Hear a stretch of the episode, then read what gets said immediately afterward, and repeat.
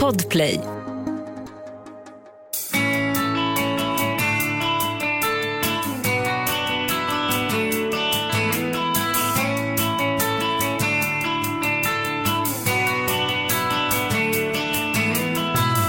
Hej, det här är Hälsogåtan och jag heter Anders Wallensten, läkare och folkhälsoexpert.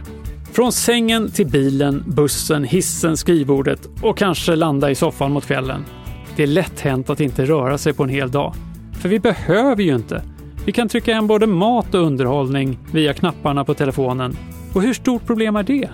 Måste vi verkligen jogga eller gymma? Eller skulle man kunna få in tillräckligt med rörelse i vardagen ändå för att må bra? Där har du dagens ämne och dagens gäst heter Carl Johan Sundberg. Läkare och författare och expert på just rörelse. Han är professor i arbetsfysiologi på Karolinska institutet. Välkommen hit! Tack! Jättekul att ha dig här. Vi har en halvtimme på oss ungefär, så vi kör igång direkt. Men för att lyssnarna ska få lära känna dig lite mer, tänker jag, vad gör man egentligen som professor i arbetsfysiologi? Ja, som professor och lärare på ett, ett, universitet så undervisar man ju till att börja med läkarstudenter och andra. Och sen bedriver jag forskning, förstås inom området och arbetsfysiologi, det vill säga fysisk aktivitet, träning. Och I vårt fall så håller vi på väldigt mycket med dels grundläggande aspekter. Hur förstår kroppen att den ska reagera på ett visst sätt när man tränar olika typer av träning? Så hur lyssnar då arvsmassan kan man säga, vårt DNA, på träningen? Så det är en grundläggande fråga vi har. Hur lyssnar kroppen? Och sen har vi också en hel del kliniska studier där vi tillämpar fysisk aktivitet som, som behandling eller prevention mm. inom psykiatri, inom cancer, diabetesområdet och på andra sätt. Så att där tillämpar vi det i klinisk vardag. Jag förstår. Och det är inte nödvändigtvis kopplat till arbete då, som arbetsfysiologi ja, alltså, arbetsfysiologi signalerar? är ju en beteckning som används, skulle kunna heta träningsfysiologi. Mm. Så att eh, är man arbetsfysiolog så betyder det i stort sett idrott slash träning slash fysisk aktivitet. Det är ett arbete att arbeta fysiskt. Ja det är det ju verkligen, mm. absolut. Även om inte alla arbeten nu för tiden innebär så mycket arbete. Det är paradoxalt men sant. Just det. Ja. Vad, vad innebär hälsa för dig? Men jag tycker väl att hälsa för mig då i min ålder och belägenhet så är det väl att inte vara sjuk i någon uppenbar kronisk sjukdom.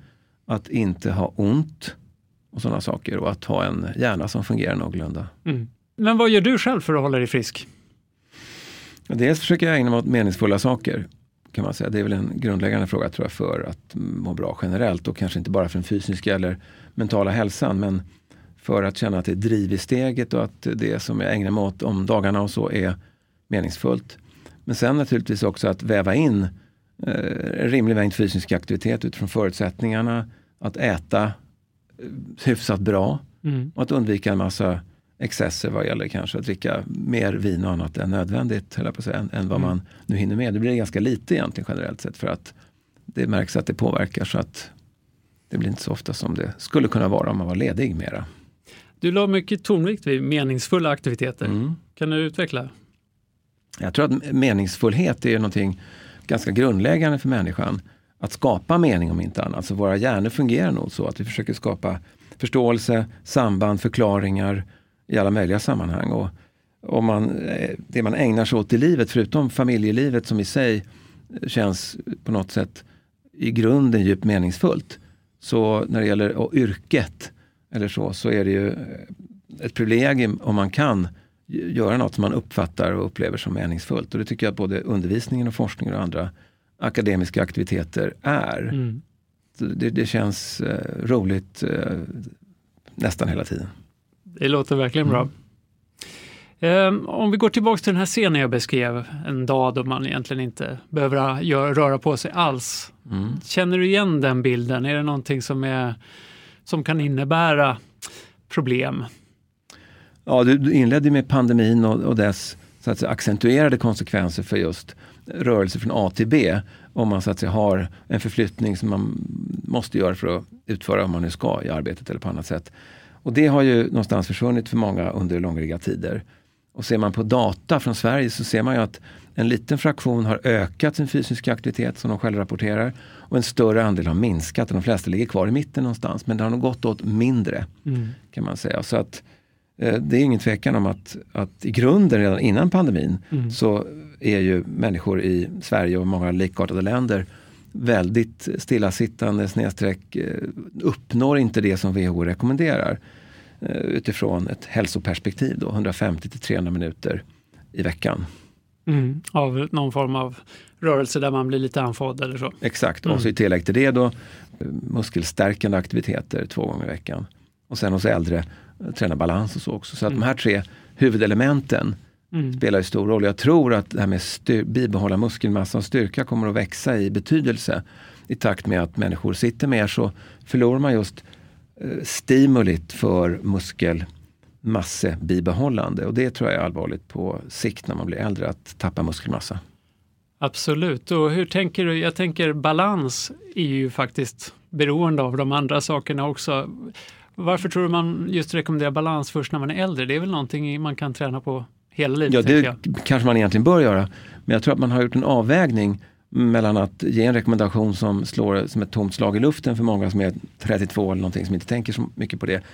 Människor som blir 65, 75, 85, där ökar risken för fall. Mm. Och det är nog det man har velat mota med rekommendationen kan jag säga för att det ska bli eh, alltför vanligt och onödiga fall som kan mm. leda till frakturer i underarmen eller lårbenshalsen eller något sånt.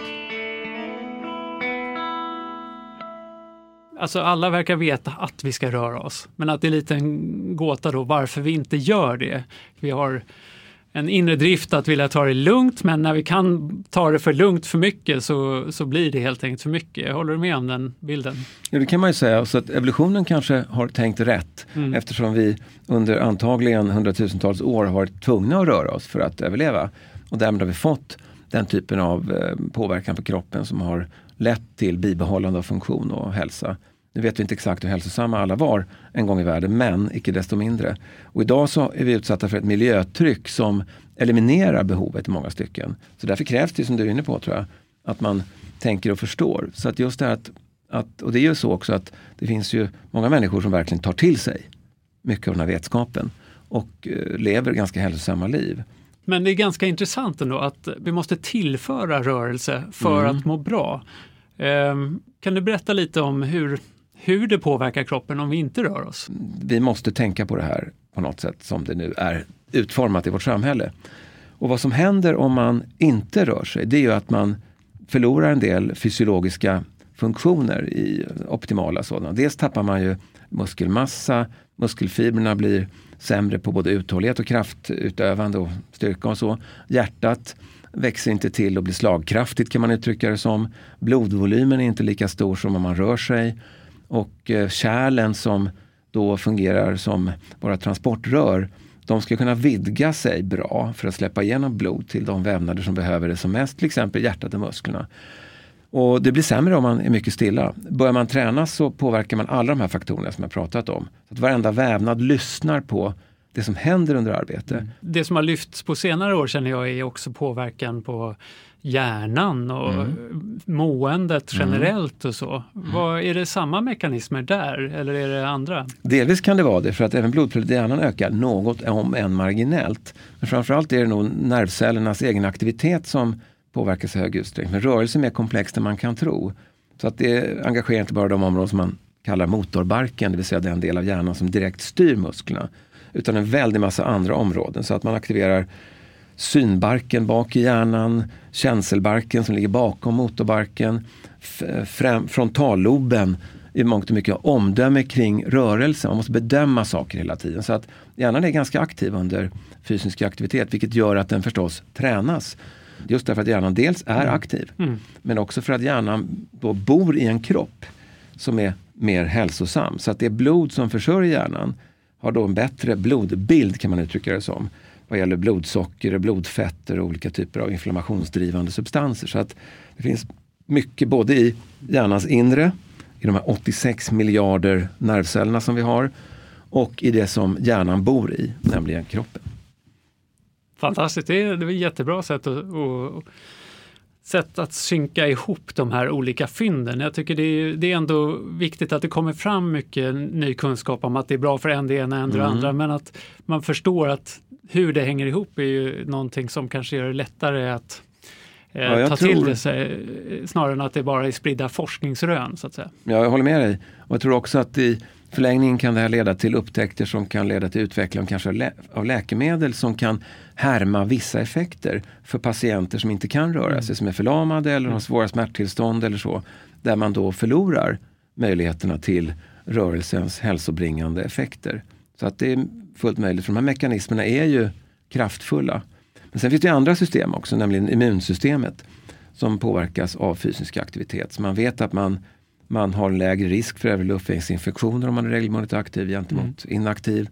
Risken att drabbas av sjukhusinläggning, intensivvård eller dö i covid-19 tycks också vara ungefär halverad, vilket är otroligt kraftfullt. Så att de studierna som har kommit under det här året har ju indikerat eh, och tycker jag visar på ett snyggt sätt att eh, både det vi kallar fitness, alltså vilket skick kroppen är i fysiskt och i den mån man bedriver fysisk aktivitet regelbundet eller inte har en ganska stark påverkan.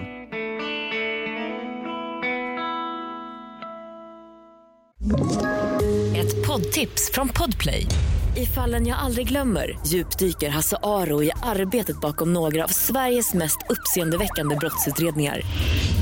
Går vi in med hemlig telefonavlyssning och, och då upplever vi att vi får en total förändring av hans beteende. Vad är det som händer nu? Vem är det som läcker?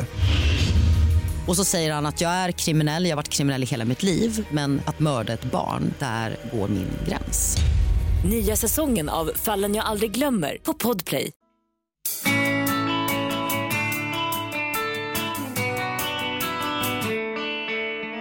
Men då kommer man ju till kärnan i det här. Vi säger att vi liksom innerst inne kanske inte vill röra oss så mycket, eh, men vi mår jättebra av att röra oss.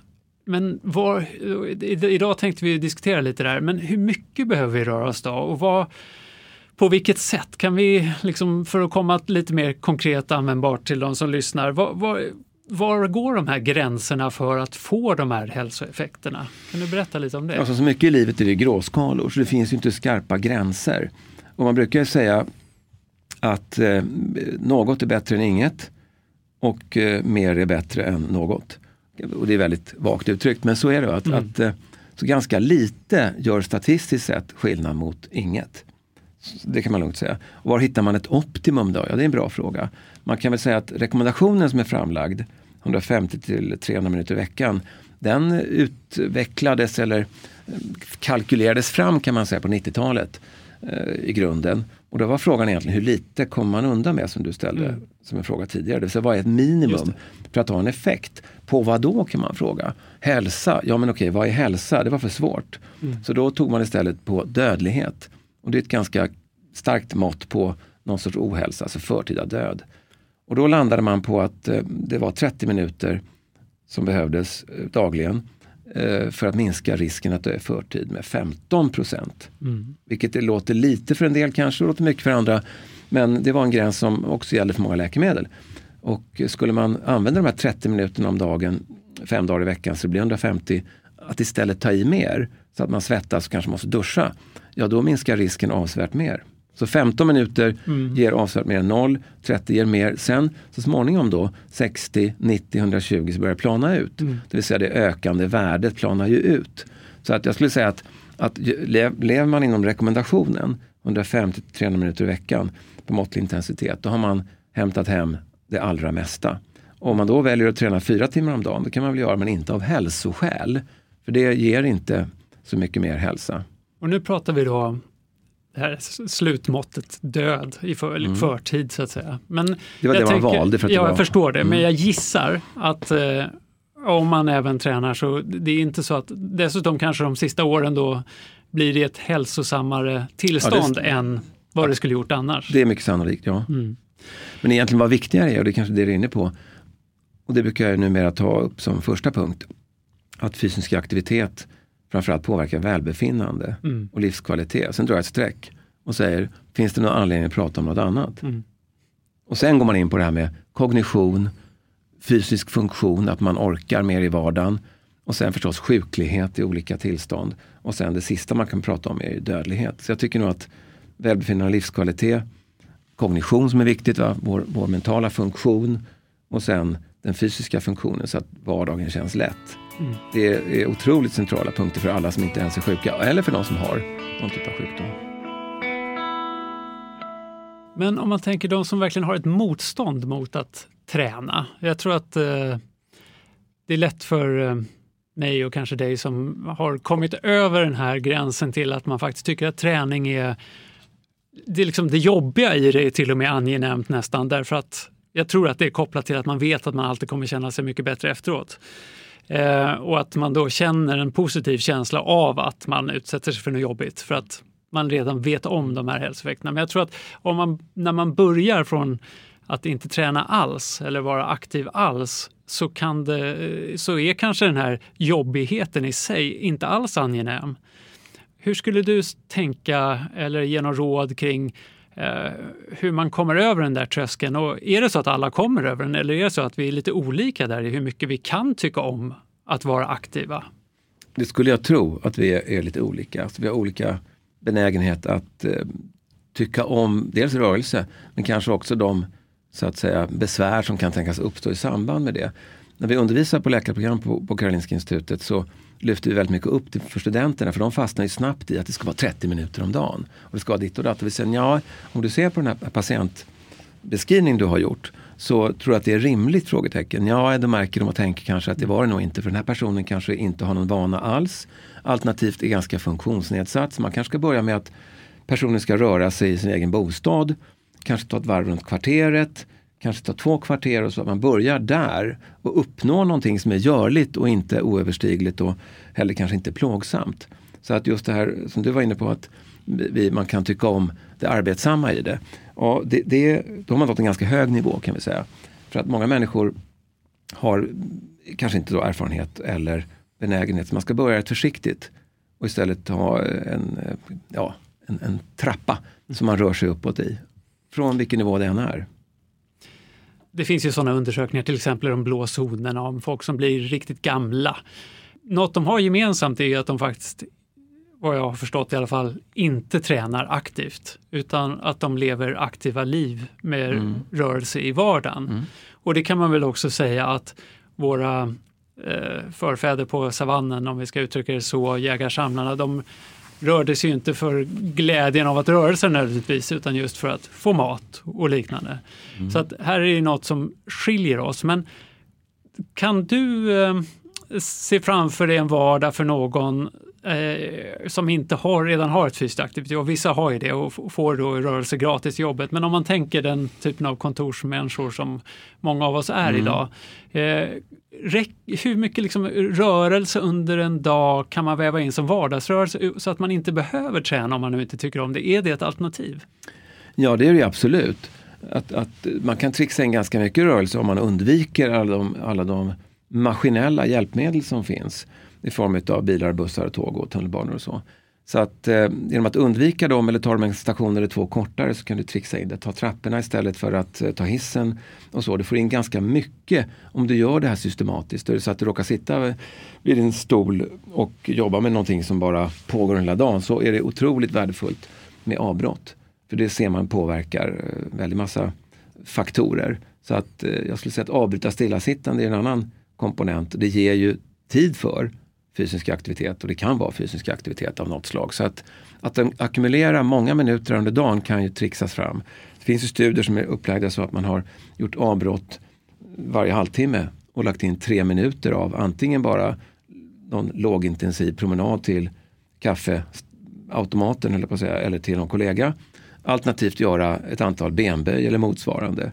Och då ser man ju ganska stora effekter för att det finns många halvtimmar på dagen under en arbetsdag är det ju 16 halvtimmar. Och är 16 gånger 3 minuter i 48 minuter. Man är hemma så att säga mm. på något plan om man nu gör någonting under dem. Plus till och från arbetsplatsen. Så att, det, det låter ju lätt när man säger så här. Men det, det handlar ju om, om, lite disciplin och lite tanke och göra någonting som eh, ändrar beteendet.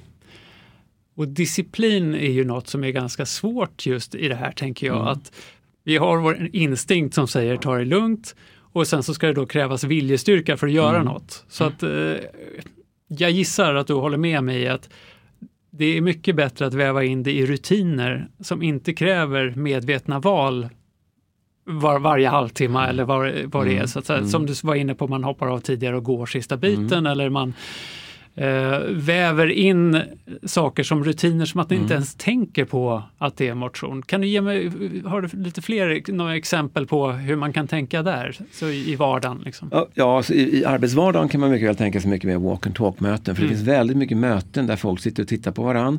Och det är ju trevligt men det är också stillasittande. Mm. Så att jag tror är det möten 2, 2, 3 och 3 och 4 och 4 kan man mycket väl ta dem som promenad. Alternativt är du med i någon typ av möte där din medverkan är mer att lyssna. Du kan mycket väl lyssna på de här föredragen eller vad det är för någonting gåendes. Mm. Så jag tror att pandemin har också visat att det finns möjligheter nu när vi har så att säga, hamnat i hemarbete till stor del. Då. Så det finns sådana saker tänker jag. Men eh, ja, det finns mycket annat man kan, Mm. kan lägga till. Men jag tror att man ska inte... Alltså, fysisk aktivitet är på något sätt för viktigt för att det inte ska kunna vara lite jobbigt också. Och du sa att det kräver disciplin, det gör det ju. Men många av våra livsval kräver ju disciplin. Så att säga, ska vi få lön den 25 så krävs att man går till jobbet eller på något sätt jobbar. Och så, det är en långsiktig fråga. Eh, och eh, även annat. Så att jag tror att man får liksom se på det som, dels ska det vara lustfyllt om det går, men går inte det så får man nog göra det ändå därför att det har en stor betydelse som kan vara oerhört gagnelig för både hur du mår och vad som händer. Vi var inne på det nu också, det här med sittande, det är ju Mm. också något som, eller stillasittande som har framhävts som en egen riskfaktor för sjuklighet. Ehm, eh, håller du med om det först? Ja, man ska nyansera det lite. Så att är det så att man i övrigt är ganska lågaktiv, då spelar stillasittandet en större roll som det verkar. Men är man med eller högaktiv, då spelar stillasittande tiden lite mindre roll. Så för de som är elitidrottare så spelar den förmodligen ingen roll. Därför att där krävs det tid för återhämtning och man får in en dos som heter duga. Så jag skulle säga att det, det spelar särskilt stor roll för människor som inte rör sig i övrigt så mycket. Då gäller det att avbryta. Mm. Så där om man tittar på de staplar som finns kring riskförhöjning med mycket stillasittande tillsammans med låg fysisk aktivitet generellt. Ja, definitivt. Då är det en egen riskfaktor. Är det däremot så att man är ganska aktiv så är det inte alls lika klart. Det har blivit ganska vanligt ändå med ståbord nu Mm. eh, och att man kan variera sig på sin arbetsplats mellan att sitta och stå. Eh, hur eh, tänker du, är stående i sig en, en bra aktivitet? Är det mycket bättre än att sitta och hur, hur ska man tänka?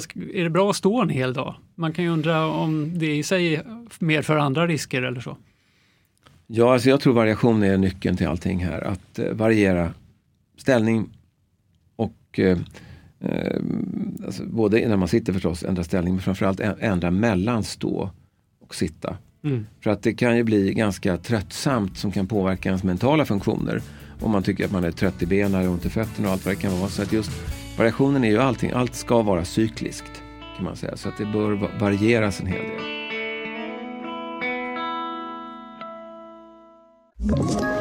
Ett poddtips från Podplay. I fallen jag aldrig glömmer djupdyker Hasse Aro i arbetet bakom några av Sveriges mest uppseendeväckande brottsutredningar. Går vi in med hemlig telefonavlyssning och, och då upplever vi att vi får en total förändring av hans beteende. Vad är det som händer nu? Vem är det som läcker? Och så säger han att jag är kriminell, jag har varit kriminell i hela mitt liv men att mörda ett barn, där går min gräns.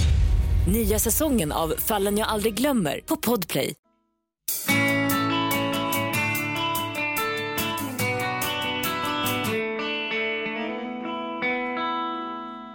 Kan man tänka sig att man på något annat sätt kan känna att man har tränat tillräckligt en dag?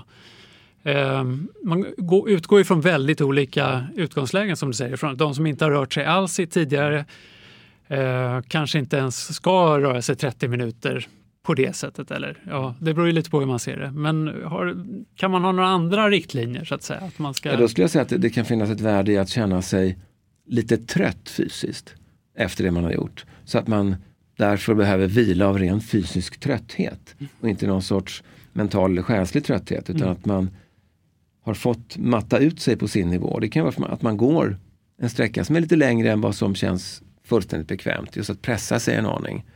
Och dessutom så sover man betydligt bättre om man har varit fysiskt aktiv. Så att det är också en, en bonus, man sover djupare på natten och blir mer utvilad. Så att man, man har värde av det in i en annan del av dygnet.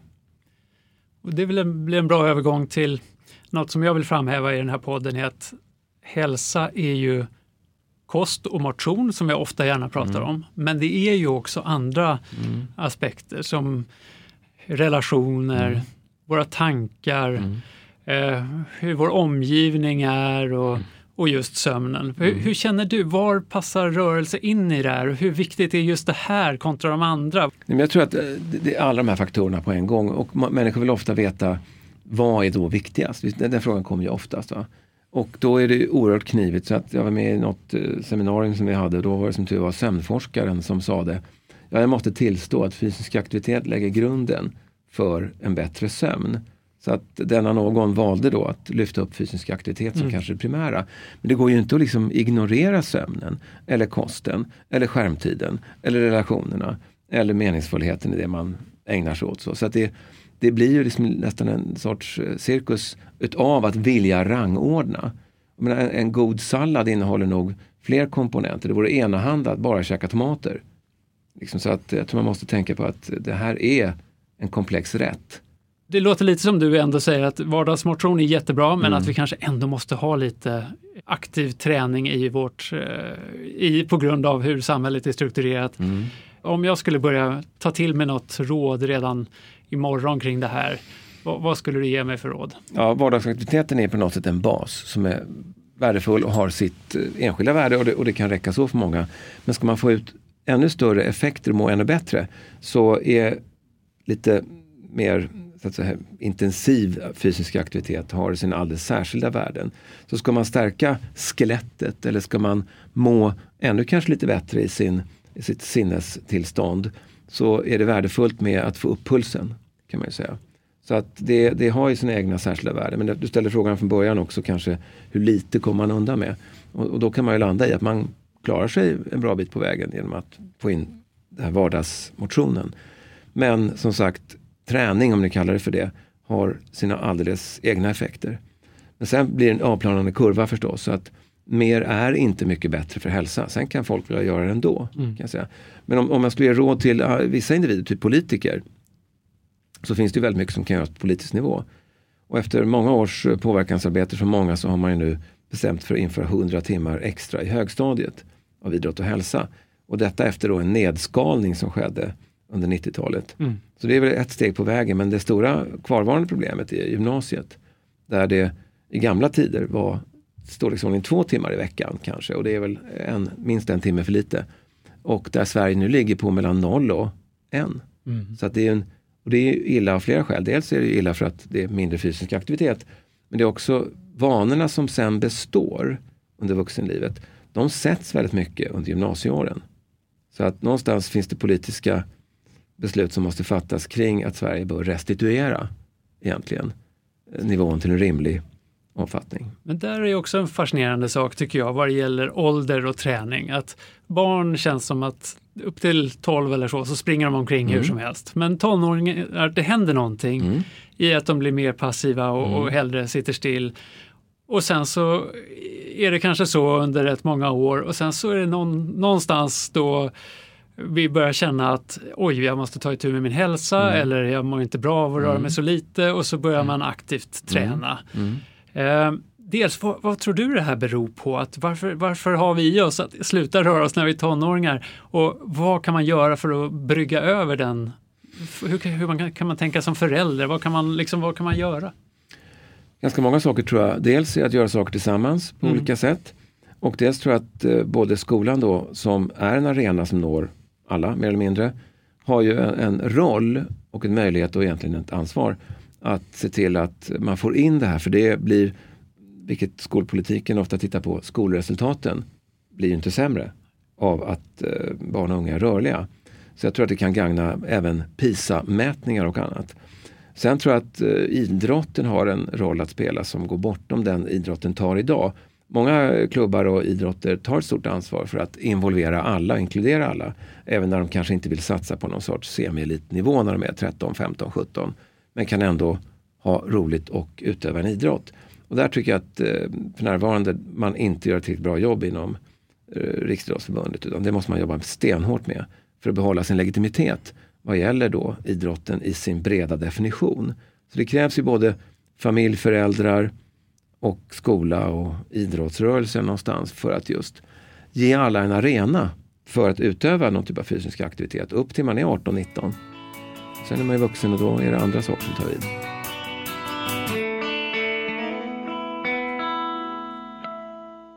Om jag då ska göra någon form av intensiv träning, har du någon favoritgrej du gör för att få till den här intensiva träningen under din vecka så att du liksom vet att det här har jag checkat av? Hur gör du? Ja, sen över 25 år så går jag och min hustru på söndagsjumpan och den är intensiv. Mm. Så där får vi ju rejält med flås och så. så. Eller så kan det vara att sticka ut springa i spåret på lördagen. Eller om det är vinter, ut i skidspåret. Och då blir det ju ganska bra tryck i flåset och ansträngningsgraden. Så att det är väl några exempel då i detta avlånga land att man kan nyttja naturen förstås eller ska, skapa sig en vana där man kanske bedriver fysisk aktivitet tillsammans med andra mm. i grupp. Och det är ju någonting som man kan lyfta lite extra, just det här att vi faktiskt påverkas av andra och hur man själv agerar påverkar andra också. Att det här Så. hälsosamma vanor kan smitta lite. Mm. Och att göra saker... Ja, du är smittskyddsläkare och det här är omvänt då. här vill vi att det ska smitta. Och det gör det som mm. du säger. Det visar mycket forskning att man gör det som andra gör i ens närhet. Mm. Så gruppträning har verkligen en extra dimension där, eller vara med i en löparklubb mm. eller det någon, någon form av förening? Ja, en klätterklubb eller ja, vad du vill. Vad du vill. Mm. Ja. Vi ska avsluta det här men jag tycker att verkligen att det varit jättebra och trevligt samtal och eh, jag hoppas att eh, du som lyssnare har eh, lärt dig mycket idag och eh, kan ta till dig av råden och på något sätt eh, få till extra träning eller tillräcklig träning ska man väl säga i både i vardagen och kanske med lite extra krydda utifrån eh, vad du har möjlighet vad det gäller motion. Är det någonting ytterligare du skulle vilja lägga till eller undra över idag? Nej, inte, du, du sa i vardagen, jag tänkte, och, och till fest tänkte jag. Det kanske småningom när pandemin lättar kanske det blir fest och det kan det bli dans också. Det är också en form av fysisk aktivitet. Så att, eh, det kom jag att tänka på när du sa till vardags. Ja, tack än en gång. Tack. Tack för idag! Det här var det nionde avsnittet av Hälsogåtan. Alla säsongens avsnitt hittar du i gratisappen Podplay. Eller ett nytt avsnitt varje tisdag på alla andra plattformar. Och i nästa avsnitt gästas jag av yogaläraren Josefin Bengtsson. Vi ska prata om vad meditation och yoga kan göra för vår hälsa och hur meditation har fått Josefin att lära känna sig själv och sin kropp och inte bara leva i huvudet som hon säger. Mer om detta nästa gång. Jag heter Anders Wallensten, producent var Lisa Tallroth, för klippning stod Mats Liljenberg och vignettmusiken är gjord av mig och Lars Benkert. Tack för att du lyssnade! Hälsogåtan är en podd från Bonnier Fakta. Podplay. Ett poddtips från Podplay. I fallen jag aldrig glömmer djupdyker Hasse Aro i arbetet bakom några av Sveriges mest uppseendeväckande brottsutredningar går vi in med hemlig telefonavlyssning och, och då upplever vi att vi får en total förändring av hans beteende. Vad är det som händer nu? Vem är det som läcker? Och så säger han att jag är kriminell, jag har varit kriminell i hela mitt liv men att mörda ett barn, där går min gräns. Nya säsongen av Fallen jag aldrig glömmer på Podplay.